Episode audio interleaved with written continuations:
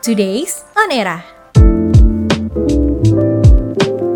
Halo Era Mania, balik lagi di Today's On Era Kali ini sama Bani. Dan udah hari Jumat, gak berasa cepet banget 21 Januari 2021 Gimana Januarinya, semoga sudah terbentuk resolusinya ya. Sama seperti kita yang akhirnya dapat selesai juga resolusinya Yaitu untuk pindah ibu kota jadi publik ini sedang dikejutkan dengan pemberitaan soal ucapan dari Kepala Bapenas yaitu Soeharto Monoarfa. Gimana enggak nih? Dia bilang kalau SpaceX ini meminta Indonesia untuk menjadi tempat peluncuran pesawat terbang dengan kecepatan yang luar biasa khususnya di titik ibu kota baru nanti. Tahu sendiri kan, SpaceX ini merupakan perusahaan milik Elon Musk. Bahkan nih ya, Soeharto bilang kalau dengan pesawat ini kita bisa menempuh Indonesia sampai Amerika tuh hanya satu setengah jam sampai dua jam aja. Gila kali ya? Emang bisa apa?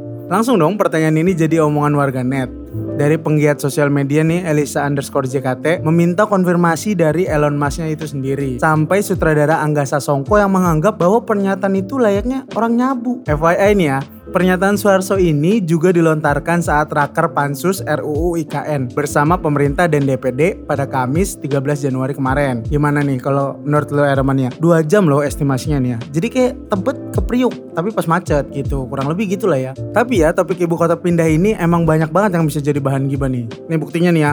Kemarin di Twitter nih punyanya William Yangko nih sampai mengomentari daftar pustaka dari naskah akademik yang jadi landasan pemindahan ibu kota negara baru. Kata dia nih, daftar pustaka di naskah akademik itu kalah sama anak S1 semester 1. Widih, ngeri banget. Komentar William Yangko ini berangkat dari cuitan Dede Prayudi yang mengunggah naskah akademik pemindahan IKN. Balasan William Yangko ini pun ramai menjadi perbincangan. Terbukti, sampai setengah limaan tadi ciutannya itu udah menghasilkan 1500an retweet terus juga ada 500 quote tweet sampai 5000 like. Banyak juga kan ya Ramania nah selain masalah daftar pustaka nih ya sebenarnya ada beberapa permasalahan dari RUU IKN ini yang baru aja disahin beberapa waktu lalu nih. Nih aku kasih dua contohnya ya. Misal di pasal kelima ayat ketiga isinya tuh seakan mencabut hak pilih warga untuk memilih kepala otorita IKN. Terus juga ada pasal 9 dan juga pasal 10 yang intinya itu seakan mengabaikan peran DPR. Apalagi nih ya, yang punya wewenang memberhentikan kepala otorita IKN itu adalah presiden. Jadi nggak usah tuh konsultasi sama DPR segala. Wah, bisa jadi nih ya, kepala otorita ini sumur hidup dong. Asal presiden suka aja. Gak heran kan kalau banyak banget yang kritik soal UU IKN ini. Udah buru-buru, ada aja pasal yang masih bolong. Gak takut bermasalah apa?